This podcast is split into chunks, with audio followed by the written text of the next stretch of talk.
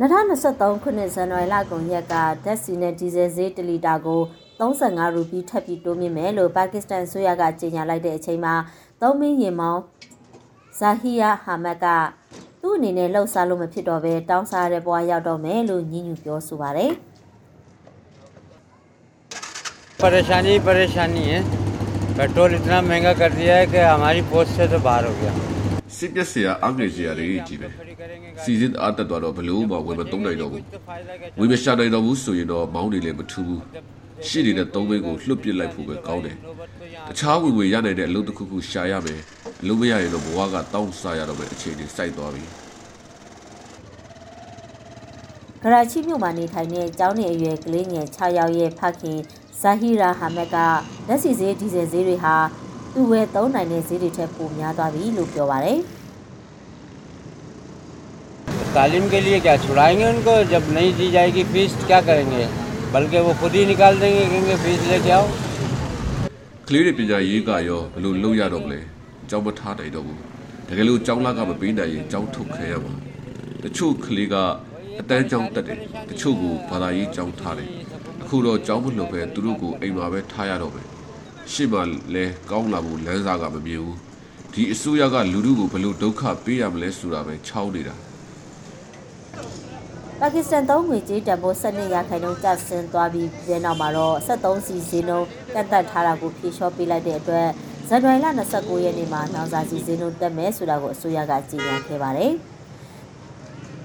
आगे से जो ना आटा महंगा है और जो ना जितनी भी खाने पीने की अशिया हैं महंगी हैं गरीब आदमी की जो ना तनख्वाही वहीं की वहीं है तो गरीब आदमी ဂျုံမုံနဲ့အခြားအစားအစာတွေအကုန်ဈေးတက်နေပြီလာစာမလောက်ကတော့စင်းရင်းသားတွေဘွားကတနာဖို့ကောင်းတယ်ဒီကြားထဲမှာစက်တုံးစီဈေးကလည်းထက်တက်လာရောအခြားပစ္စည်းဈေးတွေပါအကုန်လိုက်တက်ကုန်တော့တာပဲ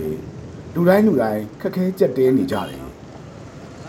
ကမ္ဘာဈေးကွက်ကနေစွမ်းအင်ဝယ်ယူရာကမှာကုန်ကျစရိတ်မြင့်မားနေတာကြောင့်ပြည်ရင်းလောင်စာအယောင်စင်းတို့မြင့်တင်မှုကိုရင်းနယ်တဲ့တဘာတုံးဝင်းအာဏာပိုင်တွေကအကြံပြုခဲ့တယ်လို့ဗန်ဒါရေးဝန်ကြီး အရှက်တာကပြောပါတယ်။မရှိမဖြစ်လူသုံးကုန်စင်းတို့ကမွန်းထီအောင်တက်နေပြီးသားဖြစ်တာကြောင့်အခုလို73စီတက်မဲ့ဆုံးဖြတ်ချက်ကိုလူလူလူဒန်းစားအလွှာပေါင်းစုံကပါကစ္စတန်နိုင်ငံသားတွေစိတ်ပြက်လက်ပြက်နဲ့ပြစ်တင်ရှုတ်ချခဲ့ပါတယ်။ it will put a negative impact on on, on, a, on a common man definitely because the everything every prices on of, of daily needs is going to be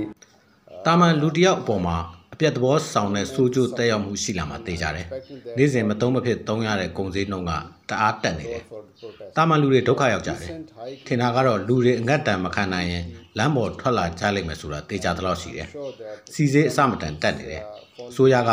IMF ကမ္ဘာငွေကြေးချောင်းမွေအဖွဲ့ပြောတာမှန်သမျှအကုန်လိုက်လုပ်နေတယ်။လာမယ့်ရက်ဒီမှာ73စီကထပ်တက်ဖို့ရှိပါသေးတယ်။ပါကစ္စတန်မှာဒုက္ခပေါင်းစုံက